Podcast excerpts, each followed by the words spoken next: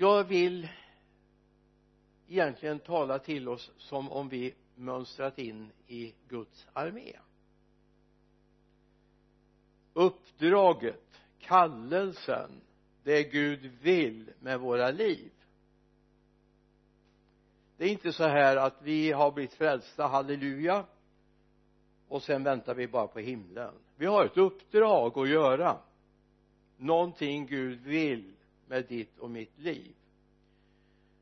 Och det bibelord som har funnits i min tanke under en period det är ett ord ur ordspråksbokens 24 kapitel som är oerhört uppmanande utfordrande. Vers 11 och 12 ordspråksboken 24, 11 och 12 rädda dem som släpas till döden och dra dig inte undan dem som stapplar till sin avrättning. Om du säger vi visste inget. Skulle inte han som prövar hjärtan märka det? Skulle inte han som vakar över din själ veta det? Han ska ge åt var och en efter hans gärningar. Rädda dem som släpas till döden rädda dem som släpas till döden.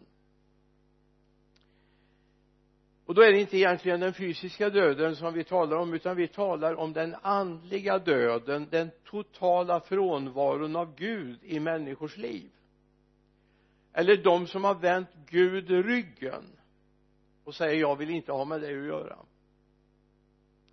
I den här tiden vandrar vi tillsammans det är inte så att det syns alltid på utanskriften hur jag har det.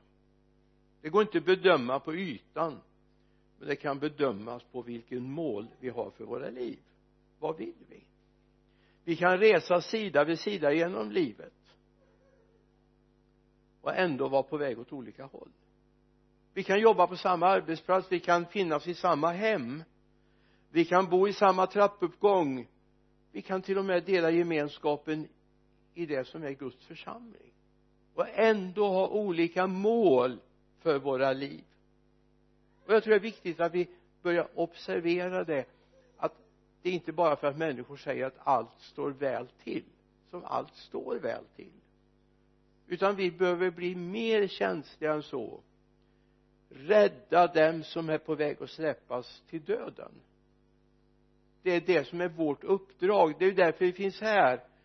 Jesus uttrycker det kanske på ett lite smidigare sätt då när han säger i Matteusevangeliets 28 kapitel gå ut och gör alla folk till lärjungar. Döp dem i faderns, sonens och den helige andes namn. Och lär dem att hålla allt som jag har befallt er. Och se jag med er alla dagar in till tidens ände. Alltså vårt liv är inte bara vårt. Det är också hans precis som om du är anställd på en arbetsplats. För att utföra ett arbete så är du ju faktiskt där för din arbetsgivares skull, eller hur? Det är ju din arbetsgivare som egentligen bestämmer vad du ska göra. Utifrån den kunskap och erfarenhet och utbildning du har. Men så är det också när Gud tar oss i sin vård så har han en längtan efter att få föra oss hem. Men han har också en längtan efter att de människor som finns runt omkring oss också ska få det hoppet som du har i ditt hjärta. Det är den längtan han har. Varje morgon när du stiger upp så har han en längtan att få använda dig. Så jag skulle vilja nu börjar jag tjata om det här på söndagarna att det här ska du göra nu när du kommer hem. Men eh, jag kan eh, repetera så småningom då. Men imorgon bitti när du vaknar. Du kanske inte hoppar ur sängen precis och säger halleluja 15 gånger utan det kanske är trögt innan första kaffekoppen har gått ner eller första smörgåsen har landat i magen. Eller många är ju uppe även om de eh, inte är vakna så är de nästan så de inte har lämnat kudden även om de är på väg till jobbet vi hade en sån granne en gång i tiden på 70-talet där vi bodde då. Vi hade flera garage i källaren i den kyrka där vi var och en av grannarna hade sin bil där. En härligt frälst broder äldstebroder i församlingen till och med. Men mötte man honom på morgonen och sa god morgon till så sa han Göran det var ju liksom ryggmärgsreflex. Så sa han god morgon. Sen när man träffade honom på eftermiddagen och sa att det var trevligt att träffa dig i morse. Har vi setts i morse? Jag har ingen aning. Det var liksom kudden fanns kvar på något sätt i hans medvetenhet. Men när du vaknat imorgon och du har lämnat kudden så säg till dig själv idag ska jag tjäna Gud. Idag ska jag tjäna Gud. Och så kan du säga tack gode Gud för att du har användning av mig. Det är inte alltid vi tycker vi är så duktiga och så framåt utan vi kanske tycker oss lite misslyckade ibland men Gud har användning för dig. Det kan du säga 15 halleluja efter. Gud har användning av dig. Det är väl underbart? Så kom ihåg det. Vi är här för vi har ett uppdrag. Men samtidigt måste vi vara medvetna om att alla människor som vi möter har inte samma hopp även om mungiporna går uppåt och ansiktet är glatt så har inte alla samma hopp och samma framtidsutsikter i sitt liv. Det är väldigt tydligt när Jesus tar upp det här i Matteusevangeliets sjunde kapitel vers 13 och 14 han säger gå in genom den trånga porten. Ty den port är vid och den väg är bred som leder till fördärvet. Och det är många som går fram genom den. Men den port är trång och den väg är smal som leder till livet och det är få som finner den. Alltså du kan inte säga annat än Jesus är väldigt ärlig. Han är görärlig. Verkligen. Han talar om att det finns en bred väg och den leder för, till fördärvet. De som har gått igenom den trång, eller den sma, eller breda porten och den breda vägen de är på väg till fördärvet. Och det är många som går på den. Det finns en smal port. Eller en trång port och det finns en smal väg. Men den leder till livet. Och ärligt talat om du ska ut på en bussresa så vet du åker man på sådana här bussresor som arrangeras av olika till om man ska titta på hemliga platser och allt vad det var så har man oftast en värdinna ombord eller en värd som berättar lite grann trevligt efter resan och försöker hålla upp humöret. Och det kan ju vara trevligt men jag ska säga att busschauffören är viktigare. Busschauffören är viktigare. Det är viktigt att det är någon som har koll på att vi kommer dit vi ska. Inte bara att vi sitter i en buss på en parkering och har trevligt. Det är inte så sådana här bussresor är tänkta för va? Men en del tycker att det är väldigt bra att bli underhållna och många kyrkor har gått in på det. Vi ska underhålla människor. Istället för att tala om det finns de som är på fel väg. Vi kommer i slutmål. Och det är väldigt viktigt att man har rätt chaufför om du förstår bilden. Den som vet vart vi ska i livet. Det är viktigt. Se till att du har rätt chaufför att ditt sällskap har rätt chaufför att du kommer till rätt håll. Kyrkorna är inte till för underhållning de talar om att det finns en smal port eller en trång port och en smal väg och den leder till livet. Och det är mycket bättre att åka på den. Även om det är lite umbärande under resans lopp va? Så vet jag jag kommer rätt. Jag kommer rätt. Och målet är viktigare än vägen, eller hur? Målet är viktigare än vägen. Och det är viktigt att du inte ser ut när du har tagit emot Jesus i ditt hjärta och han har flyttat in här du får inte se ut som om du är på väg till en avrättningsplats. Det gör ingenting om det kommer ett leende över dina läppar. Även i en svår tid, eller hur? Det är inte, det är inte alls skadligt. För du vet jag är på väg till himlen. Och jag önskar bara att alla skulle få upptäcka friden, glädjen och framtidstron. Jag är på väg till himlen och det är vårt uppdrag. Vi lever i en värld där det finns båda sidor. Det finns människor som har gått genom den breda porten och det finns de som har gått genom den smala porten. De kan till och med sitta sida vid sida i en gudstjänst. De kan titta på samma livesändning. Livestreaming. En del har den breda portens erfarenhet en del har den smala portens erfarenhet och det är viktigt att vi har klart för oss det. Man kan komma till omklädningsrummet på arbetsplatsen. En del har gått genom den smala porten inte in i omklädningsrummet. Och en del har i livet gått genom den breda porten. Och är det så att vi har som någon sorts ämbete att vi ska underhålla människor så kan det bli väldigt konstigt i det här livet. Det är viktigt att människor får tag i det som är sant, rätt och riktigt och får upptäcka även jag är på väg till löfteslandet. Även jag är på väg. Och det är viktigt att komma ihåg att när vi har gått igenom den trånga porten och går på den smala vägen det här är ingen tävling. Det är ingen tävling. Det kristna livet har ibland blivit tävling. Vem som vittnar mest vem som har läst mest bibelord den som är gladast etc det är ingen tävling. Leendet, glädjen kommer ju inte av att jag är bättre än de andra utan det kommer av att jag är på väg till ett bättre mål än de andra, eller hur? Så att så fort människor får möjlighet att ta emot Jesus i sitt hjärta så har de växlat spår. Och så är de på väg till himlen det är väl fantastiskt att vi kan få erbjuda människor att gå till himlen. Det är väldigt enkelt egentligen. Alltså bibeln är full av exempel på de som gått den breda vägen och de som går den smala vägen.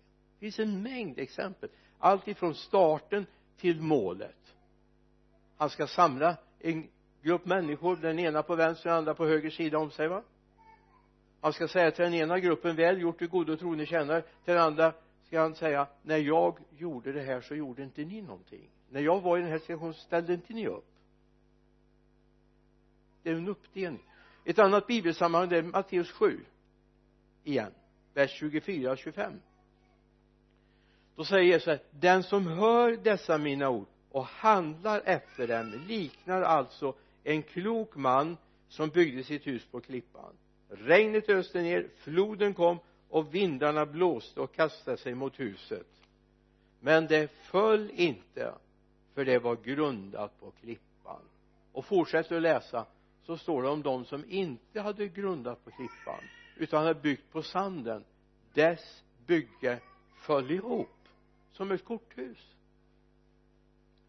Det finns två grupper av människor i den här tiden de som har gått igenom den trånga porten och de som har gått igenom den breda porten. Det finns de som går på den smala vägen och de som går på den breda vägen. Det är de som är på väg mot himlen och de som är på väg mot fördärvet. Vi måste inse det.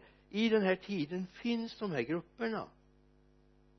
Och så har Gud kallat oss att få människor att lämna den breda vägen och gå igenom den trånga porten och komma in på livets väg. Det är vårt uppdrag. Så tacka Gud för att du får vara frälst och vara hans barn. Amen. Men samtidigt så säger du till spegeln imorgon bitti tack Jesus för att du vill använda mig idag. Tack för att du ger mig ett lyhört hjärta och ett lyhört sinne så jag kan hjälpa människor hitta rätt. Det är så enkelt som att höra och göra det han ber oss göra. Så enkelt är det. Alltså vi behöver inte slå knut på oss själva på något sätt. Och han kommer aldrig be oss göra någonting som inte han samtidigt är med och hjälper oss att göra. Inte. Jag menar alltså evangelisationskampanjen hade varit fantastiska i den här världen om det varit så här att om alla som kan klättra upp till högsta punkten på Himalaya den vinner människor för Jesus. Vilken ström av människor har varit upp för Himalaya. Alltså de här eh, Chappas som är med och, och hjälper till de hade inte räckt till. Men nu är det ännu enklare. Ändå har det blivit så svårt.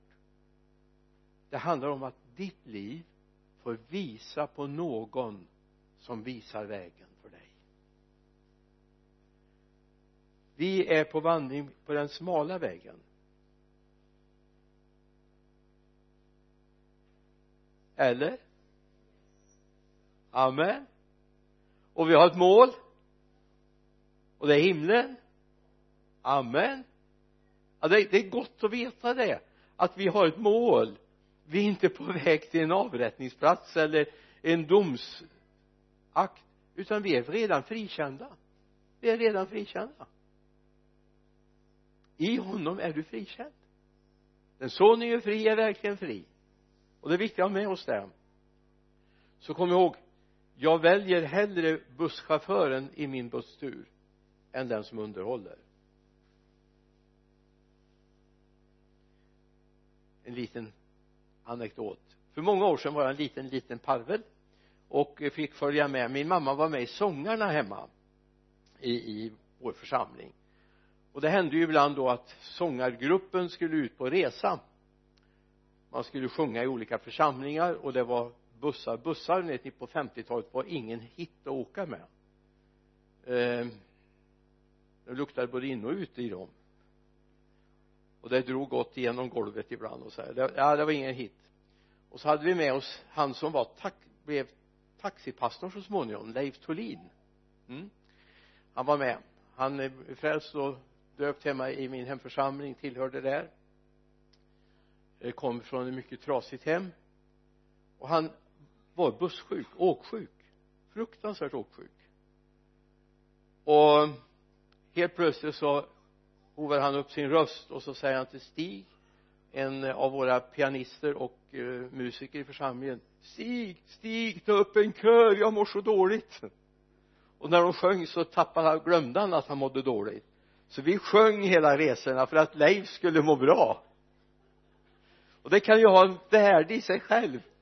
Men faktum hade man inte vetat vart man skulle då hade man inte utsatt sig för det här överhuvudtaget va? Så när vi sjunger lovsång i församlingen så är det inte för att du ska må bra utan därför vi älskar att rikta oss mot himlen och tacka Jesus va? Eller hur? Hoppas det är den bilden du har. Så det är bra att ha en bra chaufför. Och vi behöver egentligen i grunden ingen underhållare, eller hur? Det är viktigt också att vi har målsättningen klar för oss. Jag menar nu börjar jag komma i den åldern som man börjar fundera så här vad händer sen? Jag menar jag inser ju att min framtid ligger ju bakom mig nu. Jag menar jag kommer ju inte leva lika länge till som jag har levt nu. Då kommer jag bli ett unikum. Och det kanske jag redan är i och för sig. Men eh, jag kommer alltså inte bli 150 år. Eh, jag har ingen tro för det. Men jag vet jag har ett hemland. Och i Filipperbrevets tredje kapitel vers 20 står det men vi har vårt medborgarskap i himlen och därifrån väntar vi Herren Jesus Kristus som frälsare. Men vi har vårt medborgarskap i himlen och därifrån väntar vi Herren Jesus Kristus som frälsare. Och så kommer det fortsättning. Han ska förvandla vår bräckliga kropp och göra den lik hans härlighetskropp för att han har makt att lägga allt under sig. Amen. Jag menar ni som är unga jag menar ni har ju inte hunnit hinna få några krämpor än. Men vi som har varit med ett tag har slitit på den här kroppen lite grann. Vi känner ju att det gör ont både här och där ibland va? Visst man får göra det. Jag har ju ett löfte. Han ska förvandla min bräckliga kropp och göra den lik hans härlighetskropp för att han har makt att lägga allt under sig. Jag menar det kommer jag påminna honom om när jag tittar i spegeln imorgon bitti. Du ska förvandla min bräckliga kropp så den blir lik din härlighetskropp Jesus. Därför jag har ett medborgarskap i himlen och jag är på väg dit. Jag har gått igenom den trånga porten jag går den smala vägen och jag har en framtid och hopp och jag bara önskar att det skulle få märkas och synas där vi går fram. Att människor ska se att någonting har hänt. Visst vi möter problem. Det är inget problemfria liv vi har att leva. Men vi har en framtid. Vi har ett hopp. Och Gud har frälst oss från mörkret och fört oss in i sin älskade sons rike här och nu.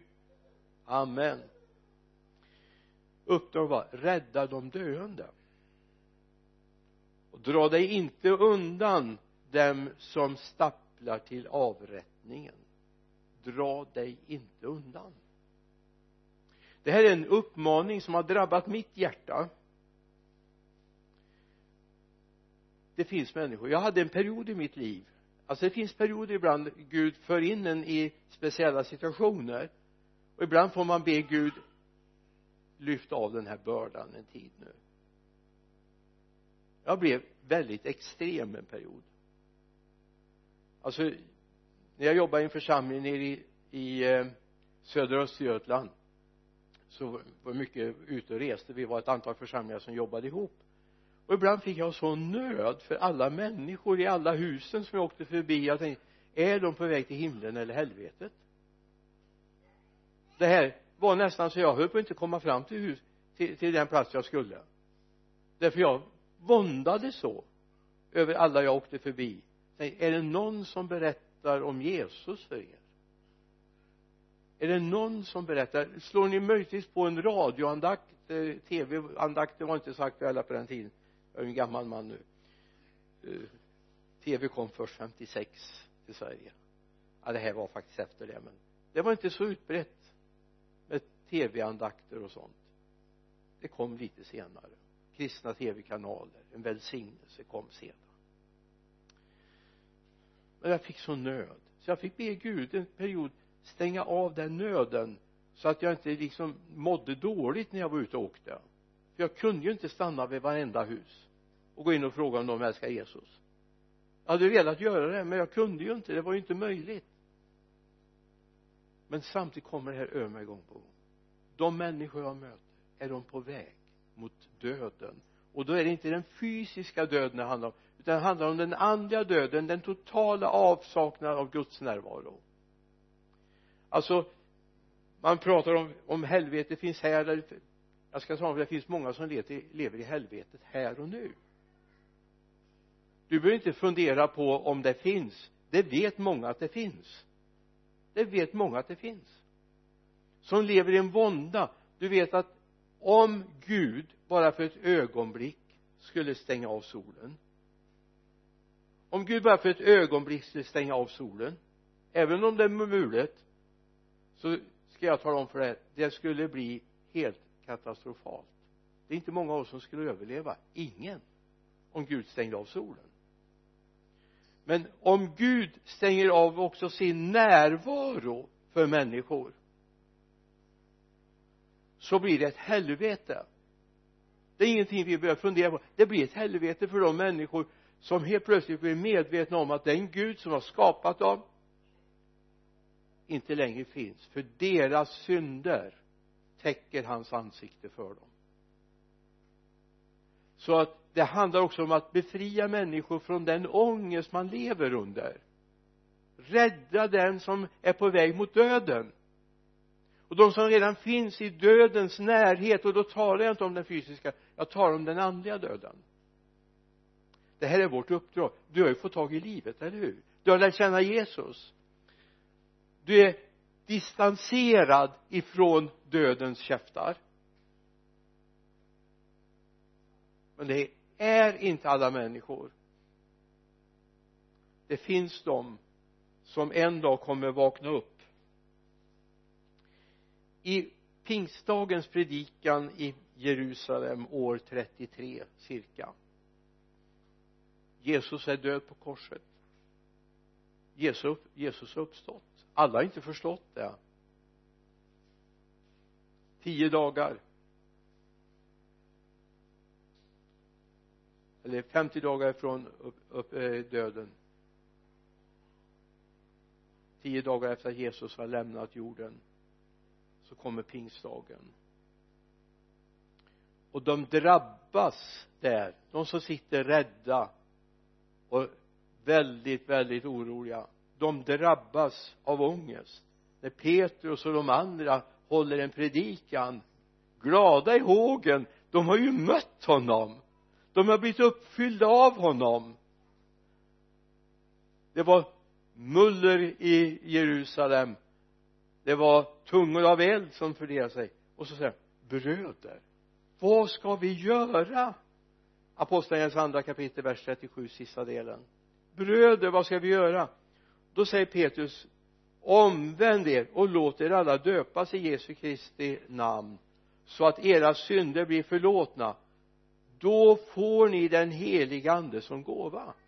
Låt er omvändas. Alltså det här är en nödvändig förkunnelse. Det är inget man glider in i bara. Det är ingen människa som bara helt plötsligt var född utan det har faktiskt varit en process för att man ska födas. Man ska framfödas också va? Det är inte bara blev. Oj! Oj! Lever jag nu helt plötsligt? Oj! Kom den till den helt plötsligt nej. Det är en process och den måste alla människor gå igenom. Så måste det också på ditt andliga plan det måste ske en födelse genom en omvändelse en beslut. Jag vill omvända mig. Då föder han mig på nytt till ett levande hopp. Så kom ihåg det finns två mål. Alltså jag tror som man på teologiskt sätt man talar om den dubbla utgången jag tror att det finns en himmel. Amen. Jag är på väg dit. Jag är spänd på hur det ska vara. Vad inget öga har sett och inget öra har hört det han har förberett för mig och för dig. Men det finns också de som går till evig förtappelse. Det finns det. Jag vet att det finns teologer som försöker bortförklara det och säga ja men okej okay, det finns himmel ja det är underbart. Men de andra de kommer bara somna in och de kommer liksom inte finnas mer. Jag tror inte på det. Det är en lögn. Det är en lögn. Det finns ett, ett helvete också. Ett hardets dödsrike. Det finns. Och det är därför det är viktigt. Jag menar annars behöver det inte vara så angelägna jag menar himlen blir full ändå. Om det är bara att de bara går ut i ett intet sen.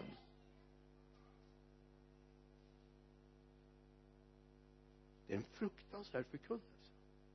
Och en dag ska vi stå där och se verkligheten. Det står till och med att han ska låta oss få se ett straff. Ett straff för att jag vände Gud ryggen. Så i Matteusevangeliets trettonde kapitel skrivs det om skördetillfälle och om vi tittar ifrån vers 27 då gick tjänarna till sin herre och sa herre visst sådde du god säd i din åker. Varifrån kommer då ogräset? Han svarade detta har en fiende gjort. Tjänarna frågade honom vill du att vi går ut och samlar ihop det nej svarade han. Då kan ni rycka upp vetet samtidigt som ni rensar ut ogräset. Låt båda växa tillsammans fram till skörden. När skördetiden är inne ska jag sända ut skördemännen samla först ihop ogräset och bind det i knippen för att brännas. Men vetet ska ni samla in i min lada både ogräset och det äkta växer sida vid sida. Och så är det i den här tiden. Så är det i den här tiden. Det finns både ett ogräs och det finns det som är äkta. Och det växer. Det finns en ovän. Du kan kalla honom för djävulen. Eller satan. Han har sått ogräs i den här tiden. Och det växer också ogräs. Alltså här har vi egentligen kärnan och lösningen på det som vi kallar för gängkriminalitet och skjutningar och hatbrott och allt det här. Det finns här, det finns en ovän som har sått in i den åker som är det västerländska, österländska och vad det nu är samhällena. Det finns också det som är äkta. Det finns det som är äkta och som behöver få växa till och få plats. Men var inte omedvetna om att det finns både ogräs som växer och det som är äkta. Och därför så det kan finnas i de minst intima gemenskaperna. Om vi går till Matteus 24 kapitel så står det om det här också vers 39 vi läser en bit in i vers 39 så ska det bli när människosonen kommer. Då ska två män vara ute på åkern. Den ene ska tas med den andra lämnas kvar. Två kvinnor ska mala vid kvarnen. Den ene ska tas med den andra ska lämnas kvar. Var därför vakna för ni vet inte vilken dag er herre kommer. Alltså det kommer en punkt då det kommer bli en skilsmässa som vi inte har sett maken till förut. Någon sa så här ja när vi närmar oss den tiden då vill inte jag sitta ombord på en buss. Tänk om chauffören är frälst och åker upp till himlen. Då var det någon som sa ja men är du frälst så åker du ju med. Och Gud tar hand om bussen och ställer den. Men det kommer bli en märklig dag tänk när grannarna kommer upptäcka du är borta.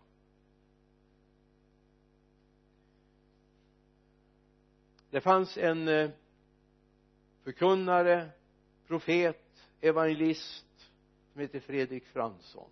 Bodde nere i Jönköping. Han skrev bland annat boken som heter fem i tolv. Men han skrev också en bok som alla kristna skulle ha i sitt hem. Där det stod till de kvarlämnade. En snabb genomgång, en liten tunn skrift. Jag hade den i mitt hem när jag växte upp. Låg i, i på bordet. Tanken var att den skulle finnas där när Herren har hämtat hem oss. Så folk skulle se här står det. Det här har vi faktiskt förutsagt att det ska ske.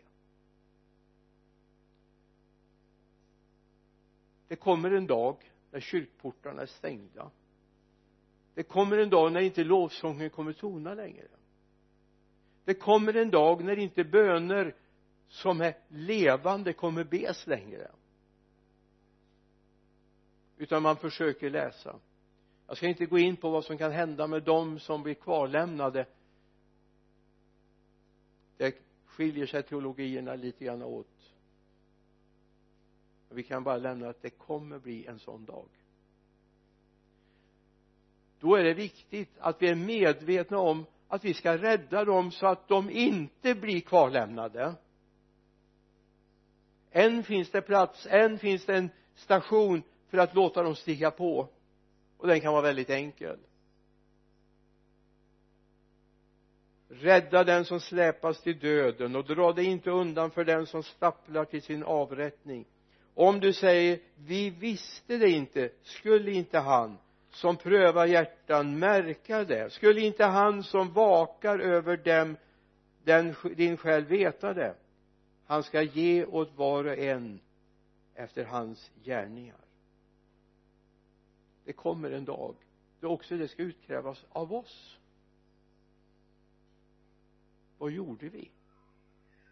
Tänkte vi på dem? Eller var vi nöjda med att vi hörde till klubben? Hörde till gänget? Som är på väg mot himlen. Eller saknar vi någon i gänget? Förstår du bilden?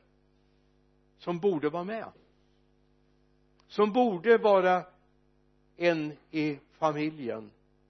Som borde få plats.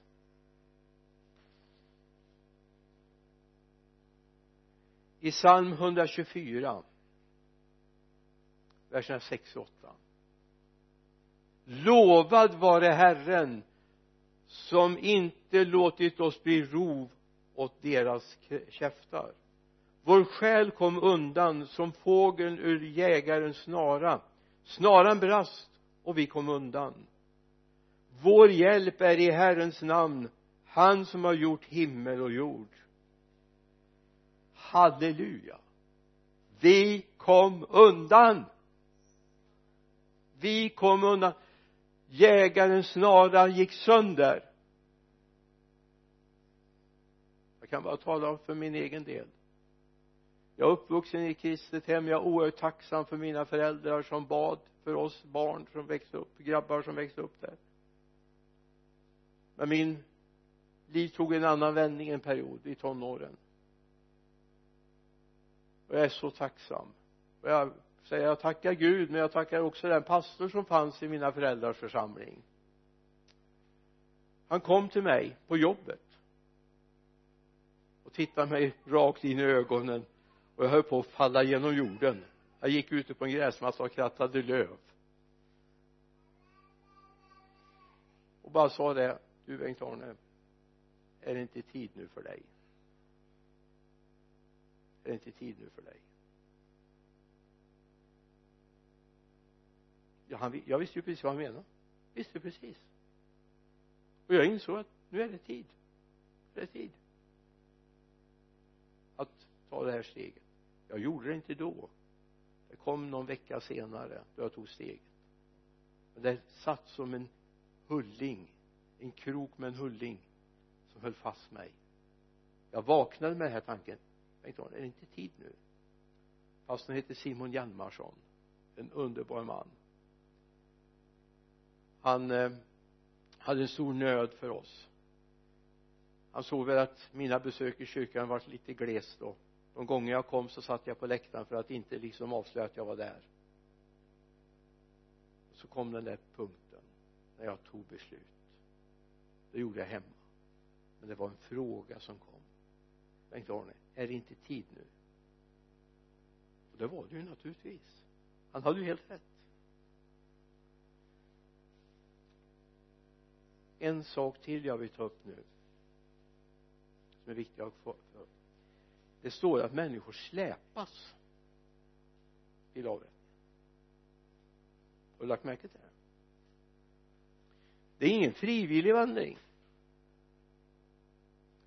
Det är inte så här bara alltså det är inte så att vi kan övertala människor att bli frälsta.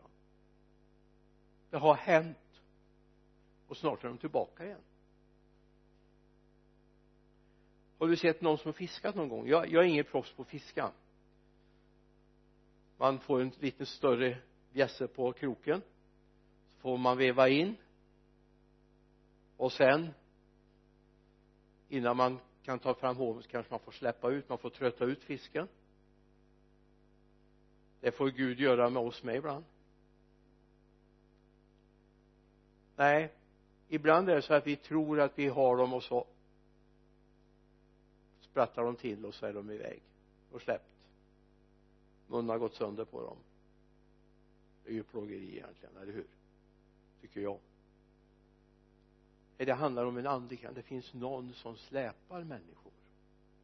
Tappa inte bort det så du kan inte övertala människor att bli kristen. Du kan vara ett gott exempel. Du kan be för dem. Och du kan tala om att här finns jag. Här finns vi om du är färdig att ta beslutet. Det finns en som håller fast människor som älskar att hålla fast dem älskar att föra dem vilse. Han älskar det. Så den makt vi har att tampas med det är den som släpar.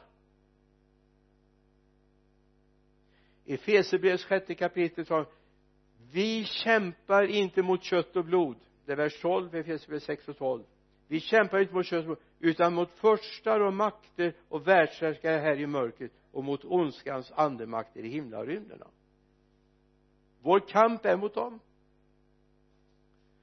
Jag fick höra ett underbart vittnesbörd för en hel del år sedan.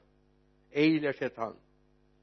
Han hade nog 15 gånger lovat Gud i olika situationer varit att nu när, där du bevarar mig från den här trafikolyckan du bevarar mig från det här nu ska jag lämna mig åt Gud.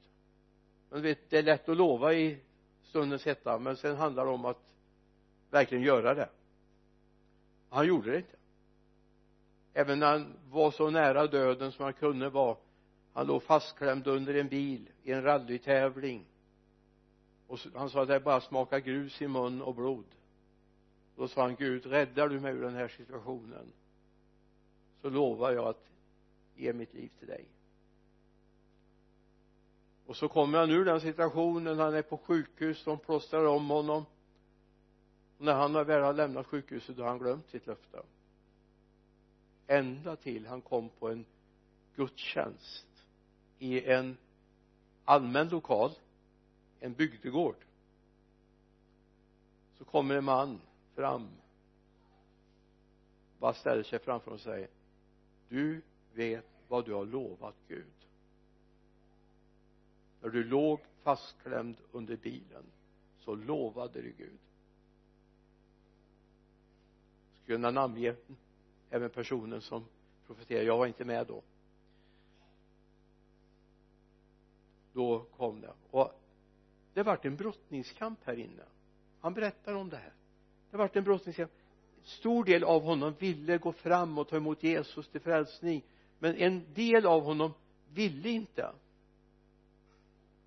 Då gör inte den här profeten som vi liksom försöker vädja och säga att du vet man ska hålla löften till Gud och det blir bäst för dig. Han bara säger så här du får jag be för dig? Där i bänken. Ja men det fick han ju. Bara bad han Gud klipp av allt som binder honom fast och så ställer han bara frågan ska vi inte följas åt fram nu? Och så här, ja. Gick han fram. Och han är frälst fortfarande. Han är varit församlingsledare och varit till stor välsignelse för församlingen. Och var till stor välsignelse när jag var pastor i den här församlingen. Var till stor, han och hans fru var till stor välsignelse. Men det började med att någon i andevärlden klippte av trådarna som band honom. Det finns en kamp vi har att utkämpa. Och jag tror att det är viktigt att vi börjar se det att när vi ska evangelisera vår trappuppgång, vår släkt, vår familj, vår, våra arbetsplatser så handlar det inte först och främst om att vända upp och ner på en kartong och ställa eller en låda och ställa sig och predika för människor i personalrummet. Utan det handlar om att vinna kampen i andevärlden att klippa av det som binder människor fast. Ska vi rädda dem som släpas av någon som är den onde så handlar det inte om en övertalningskampanj. Det handlar inte om smäktande musik. Det handlar inte om vädjande röst. Utan det handlar om att klippa banden som binder fast människor. Det är vårt, vårt uppdrag. Samtidigt så är det viktigt att vi ser att våra liv ska göra att människor vill gå med Jesus alltså att dina arbetskamrater dina vänner din släkt ska se att du älskar Jesus och du älskade honom. Många kommer bli avundsjuka och säga att ja det var en nöjesplatschef som för en del år sedan sa så här det är märkligt sa han att de inte i kyrkorna behöver betala nöjesskatt. Är det några som har roligt så är det ju dem. Men vi vi får betala nöjesskatt ja det kanske vi ska börja göra. Betala nöjesskatt. För vi har ju fantastiskt roligt, eller hur? Och det är inget peptalk utan det är verkligt, det är så. Vi har det underbart. Men det är viktigt att våra liv präglas av det. Vi har prövningar, vi har motgångar, jag menar jag vet av egen erfarenhet att det är tufft ibland. Det är tuffa saker som händer. Men Jesus är större. Jesus är större. Jesus är större och det är mer fantastiskt att få höra till honom. Några tankar en söndag förmiddag. Ta det. Lev med det. Påminn dig. Och säg till Gud imorgon bitti. Gud den här dagen vill jag bli använd av dig. Gör inte massa förbehåll och säga om, om du gör si eller gör så att jag ska göra det då, då gör jag men gör du och inga förbehåll. Gud vet ju precis. Det är ju han som har skapat dig. Det är han som har fött dig på nytt. Eller hur? Han vet ju precis vad han vill använda dig till och kan använda dig till. Han vet vilka gåvor du har. Både de du har upptäckt själv och de du inte har upptäckt än. Han känner ju dig mer än vad du känner dig själv, eller hur? Ta det. Låt oss be tillsammans. Far jag bara tackar dig för att du är en god Gud. Du är full av omsorg. Du är full av kärlek mot oss fader. Jag ber dig. Far jag bara tackar dig för att vi ska ha omsorg också om de som vandrar tillsammans med oss. Är de som i bibliskt perspektiv räknas som ogräs som ovännen har sått. Eller de som inte har lyssnat till ditt ord och ställt sitt liv på den fasta klippan. Du känner dem herre låt oss få vara exempel som gör att människor vill ha det vi har fått. Tack Jesus för att du har gett oss det. Nu ber jag herre att den vecka som kommer ska bli helt makalös helt utan motstycke. Herre därför att helt plötsligt börjar du föra oss in i situationer där vi får vara till välsignelse. Där herre människor kommer vilja dra ur oss det vi har det vi har fått av dig. Låt oss vara frimodiga och berätta vi ber i Jesu namn. Amen.